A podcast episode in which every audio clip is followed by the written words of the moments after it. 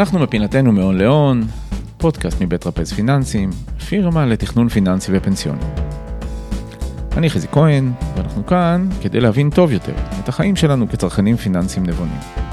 בשיחות פתוחות עם מומחים על השקעות בשוק ההון, ביטוחים, פנסיה, וכל מה שמערב כסף בחיים הפיננסיים שלנו. מתחילים. אז שלום לכולם, היום אני שוב מארח את אה, בר זלדתי. בר היא מומחית לתחום אה, ביטוח, חיים ובריאות בטרפז פיננסים. היי בר, מה העניינים? בסדר גמור, תודה מה שלומך? מעולה, איך אתה? מעולה, מעולה, תענוג. Uh, היום אנחנו הולכים לדבר על איזשהו ביטוח, uh, שנקרא ביטוח סיעודי. Uh, מקרה סיעוד זה מקרה שלא נעים uh, להיקלע אליו, uh, והיום גם יכול להימשך הרבה מאוד uh, שנים, כל ההתקדמות ברפואה והיכולת ככה להחזיק אנשים במצב כזה, בניגוד לבעבר. Uh, והביטוח הזה הוא תכלס ביטוח מאוד מאוד חשוב. עכשיו השאלה, בר, ובשביל זה הבאתי אותך אה, לקיים את הדיון הזה, האם באמת יש לי היום איזושהי יכולת לקנות ביטוח סיעודי? היום הדרך היחידה שיש לנו לרכוש ביטוח סיעודי זה בעצם אך ורק דרך קופות החולים, mm-hmm. שבעצם הן מבטחות אותנו דרך חברות הביטוח. אמ, מה שזה אומר, שבעצם כל אחד מאיתנו פשוט יכול להתקשר לקופת חולים שלו, ולבקש לרכוש ביטוח סיעוד. הביטוח היחיד שהיום אנחנו יכולים לרכוש אותו, הוא לצערי, הוא רק לחמש שנים, אבל עדיף לפחות את הכיסוי המינימלי הזה, מאשר שלא נהיה מכוסים בכלל. הכיסוי הזה נותן לנו בעצם פיצוי של גם אנחנו מאושפזים בבית וגם אנחנו בעצם מגיעים למוסד סיעודי. אה, ובהתאם לזה אנחנו, לפחות את הנחיתה הקשה הראשונה, יש לנו איזושהי, טיפה מרככים לנו אותה מבחינה כלכלית. אז בואי תסברו לנו קצת את האוזן. מה בעצם מקבלים בביטוח סיעודי? למעשה בביטוח סיעודי אנחנו מקבלים קצבה, קצבה חודשית. אמ, אם אנחנו מאושפזים בבית, בעצם מטופלים בבית, קצבה של כחמש וחצי אלף שקלים כל חודש, ואם אנחנו במוסד סיעודי, קצבה של עשר וחצי אלף שקל בחודש. אוקיי. אה, וביטוח סיעודי כל אחד יכול לקנות? גם ילדים? גם ילדים, ואפילו ילדים זה חינם עד גיל 20. אז איך שילד נולד ישר לבוא ולרכוש את זה, אתה יודע ש-20 שנה אתה לא משלם על זה והילד מכוסה, ועבר כבר את השלב של הצהרת בריאות וצובר בעצם את הוותק שלו שם בפוליסה. מעולה, מעולה. אז רגע, יש את הביטוח הזה דרך קופת חולים, אבל אני יודע שבטח גם אולי לחלק מהמאזינים שלנו, יש והיה פעם ביטוח אה, שאפשר לקנות אותו בצורה פרטית. היום אני מבין שלא. מה זה הביטוחים האלה ש... אה, אותם בצורה פרטית. ועד מתי, דרך אגב, עוד היה אפשר לקנות אותם? למעשה המוצר הזה ירד אה, לקראת סוף 2019. אה, הסיבה שביטלו אותו הוא התארכות תוחלת החיים שלנו, ושאנחנו נמצאים בעצם, היום יכולים למצוא את עצמנו במצב סיעודי תקופת חיים מאוד ארוכה, וזה כבר נהיה מוצר שהוא לא כלכלי לחברות הביטוח, mm-hmm. ולא כלכלי ללקוחות לרכוש אותו. העלויות של זה משנה לשנה הלכו וגדלו. אמ, למעשה יש שלוש פוליסות סיעוד פרטיות שאנחנו מכירים היום. הראשונה היא פיצוי, והיא מתחלקת לשתיים. פיצוי בעצם מהיום הראשון בעצם, שהוגדר לנו במצב סיעודי, מקבלים את הקצבה בהתאם לסכום שרכשנו. הפוליסה השנייה שיש לנו היא גם כן פיצוי, שבעצם היא משלימה את הפוליסה שדיברנו עליה מקודם, של קופת החולים. היא מגיעה עם מה שנקרא תקופת המתנה של 60 חודשים. חמש שנים. חמש שנים, בדיוק. שבעצם אה, אח, אחרי שמסתיימת הקצבה מקופת החולים, בעצם מתחילים לקבל את הקצבה שלנו באופן פרטי. Mm-hmm. והפוליסה האחרונה שיש היא בעצם פוליסת שיפוי. מה זה אומר? שאנחנו לא מקבלים קצבה חודשית, אלא מקבלים החזר על העלויות וההוצאות הרפואיות שנגרמו לנו בגין המצב הרפואי. אני מבין. אז בעצם מי שרכש בעבר ביטוח אה, סיעודי, אה, יכול לדעת ולגלות אם יש לו את זה או אין לו את זה, ואם אה, אנשים לא יודעים, אז אנחנו מזמינים אותם להתייעץ ולבדוק איתנו. אה, ואם יש איזשהו ביטוח פרטי כזה שנרכש בעבר, והיום יש את הביטוח של קופת חולים, אז אולי כדאי לבטל. אני מאחלת לכל אחד מאיתנו את ההזדמנות לרכוש עוד פעם אחת את הפוליסה הזאת לכולנו, שליום אחד חברות הביטוח יפתחו, כי... כמו שאמרתי מקודם, חמש שנים זאת לא תקופה מספקת. Mm-hmm. היום אנשים נמצאים במצב סיעודי במשך שנים רבות, חמש, עשר ואפילו יותר, ולמעשה הפוליסה היחידה שהיום אנחנו יכולים לרכוש היא לא לכל החיים והיא רק לחמש שנים. פוליסות הפרטיות, כמו שאמרנו, יהיו לכל החיים. אז אנחנו מבינים ככה מבין השורות, שאם זה לא טוב לחברת הביטוח, זה כנראה טוב למבוטחים. אז אם יש אה, ביטוחי, ביטוחים סיעודיים פרטיים שנרכשו בעבר, כמובן ששווה לשמור עליהם מאוד, נכון? זה בעצם מה שאת אומרת? חד משמעית. אה, ונשאלת השאלה, רגע, אירוע סיעודי, מה נחשב בעצם אירוע כזה? מי בעצם נחשב אה, סיעודי? מה, מה צריך לקרות לי כדי שאני אחשב סיעודי? למעשה בפוליסת סיעוד כל לקוח אנחנו צריכים להיות במצב סיעודי תמידי, לא בעקבות תאונה משהו זמני, שזה פרט מאוד חשוב. Mm-hmm. ולמעשה בהגדרה של אה, מצב סיעודי זה שאי יכולת, אה, אי אפשר לבצע שלוש פעולות מתוך שש פעולות שהוגדרו בחוק. Mm-hmm. למשל כמו להתלבש, להתרחץ, להתגלח, לשכב, לקום, לשבת. לאכול? לאכול, שליטה על סוגרים mm-hmm. בין היתר. למעשה, אה, כל אחת מהפעולות האלה, מספיק ששלוש מתוכן לא נוכל לבצע כדי שנהיה מוגדרים מבחינת המדינה במצב סיעודי, ונהיה זכאים לקצבה. אה, בחינה נוספת שיש זה בעצם תשישות נפש. מה זה תשישות נפש? תשישות נפש למעשה זה אלצהיימר או דימנציה.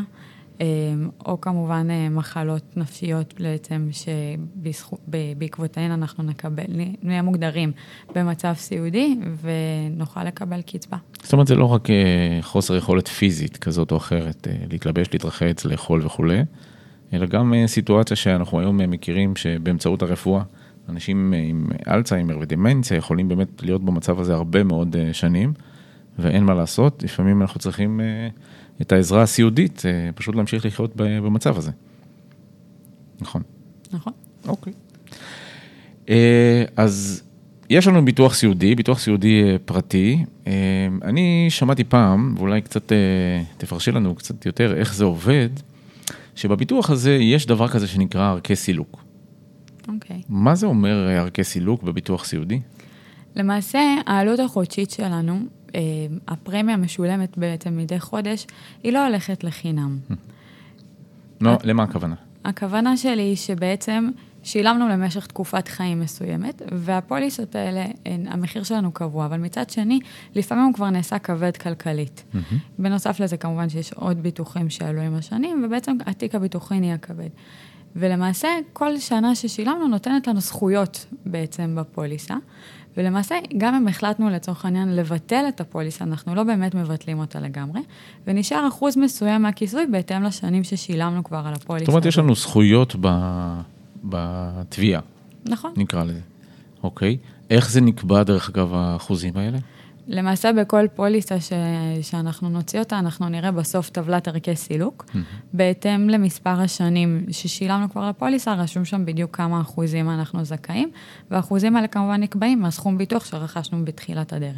הבנתי, אז זאת אומרת, בניגוד לביטוחים אחרים שאנחנו רגילים, שברגע שאתה מפסיק לשלם אותם, אתה מפסיק להיות uh, מבוטח, uh, הערכי סילוק בעצם בביטוח סיעודי פרטי, גם אם הפסקתי לשלם אחרי 10, 15, 20 שנה, עדיין יש לי איזה שהן זכויות שמאפשרות לי לתבוע את, אה, את, אה, סכום הביטוח או חלק ממנו וכולי, וזה בעצם אני יכול לדעת לפי טבלת ערכי הסילוק. נכון מאוד, רק חשוב מאוד לזכור שהייתה פעם פוליסה ששילמנו עליה ושסילקנו אותה, כדי שאם חס וחלילה קרה מקרה ביטוח, נדע לבוא לסוכן ולהגיד לו, הייתה לי פעם פוליסה כזאת, אנחנו רוצים עכשיו לתבוע אותה.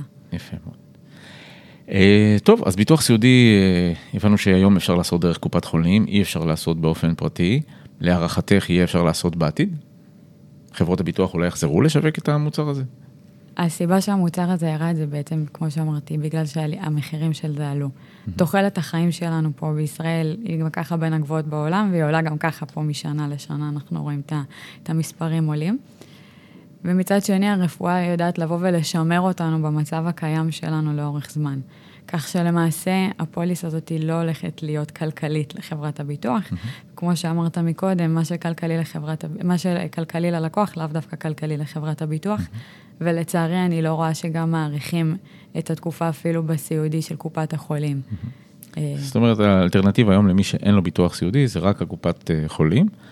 אפשר לחשוב אולי בצורה יצירתית, אה, מי שרוצה להיערך מעבר לתקופה הזאת של אה, קופת החולים, או מעבר לקצבה קופת החולים נותנת שזה רק ה-5,500 או 10,500 במוסד, אפשר להיערך לזה בצורה פרטית. פשוט לייצר חיסכון. חיסכון שמיועד בדיוק למקרה הזה. על הכיפאק. טוב, בר, אז אנחנו ככה לקראת סיום, וביטוח סיעודי זה באמת עולם שלפעמים קצת קשה לחשוב עליו. אבל יש לך איזשהו טיפ זהב ככה למאזינים בהקשר הזה של אה, ביטוח סיעודי?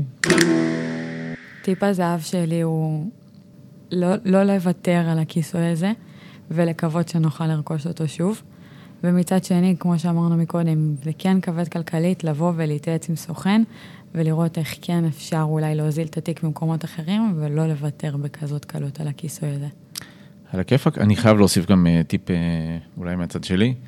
אני חושב שגם כשמי שאין לו את הביטוח הזה, ביטוח סיעודי, או לא יודע אם יש לו או אין לו, אז קודם כל באמת, קודם כל לבדוק.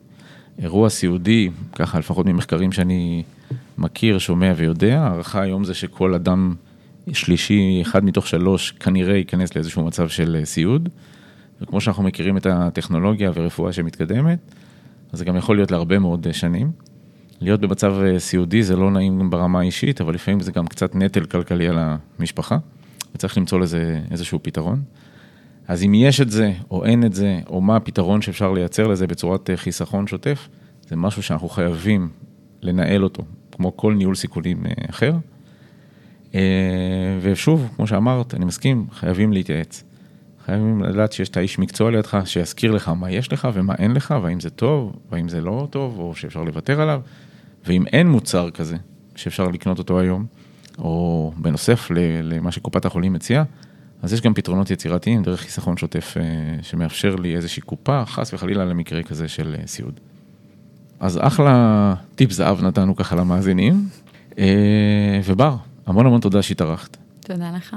ובוא נקווה ככה שאנחנו מדברים כל הזמן על ביטוחים, וזה עולם של סיוטים שאנחנו לא רוצים לדמיין, אבל זה באמת חלק ממסגרת ניהול הסיכונים שלנו, ואי אפשר לטמון את הראש באדמה ולהגיד, טוב, לי זה לא... יקרה ויהיה בסדר כשזה יקרה, אם זה יקרה. אה, אז כמו שאנחנו תמיד אה, מתעסקים בהשקעות שלנו וזה איך הולך להגשים לנו את החלומות, ביטוחים זה מה שצריך למנוע מאיתנו להתמודד עם הסיוטים. אה, או לאפשר לנו להתמודד עם הסיוטים בצורה קצת יותר טובה, שלא יהפכו להיות קטסטרופות פיננסיות. בסופו של יום הגוף שלנו זה ההשקעה הכי טובה שלנו, ואת זה אנחנו צריכים לזכור. נכון. לפני החלומות והבית והטיסה והקריירה, בסופו של יום זה הגוף שלנו, אז פעם בכמה שנים לבוא ולראות שבאמת יש לנו את מה שבאמת אנחנו צריכים, כדי שבאמת לא נגיע לא למצב רפואי לא טוב, ובטח ובטח לא לקטסטרופה כלכלית בגללו. לגמרי. אז בר, שוב באמת תודה. ואנחנו סיימנו עוד פרק של אה, מהון להון, פודקאסט מבית טרפז פיננסים. אפשר למצוא אותנו באפליקציית הפודקאסטים ובדף שלנו, תמצאו אותנו בקלות בגוגל ובפייסבוק, פשוט תקלידו טרפז פיננסים.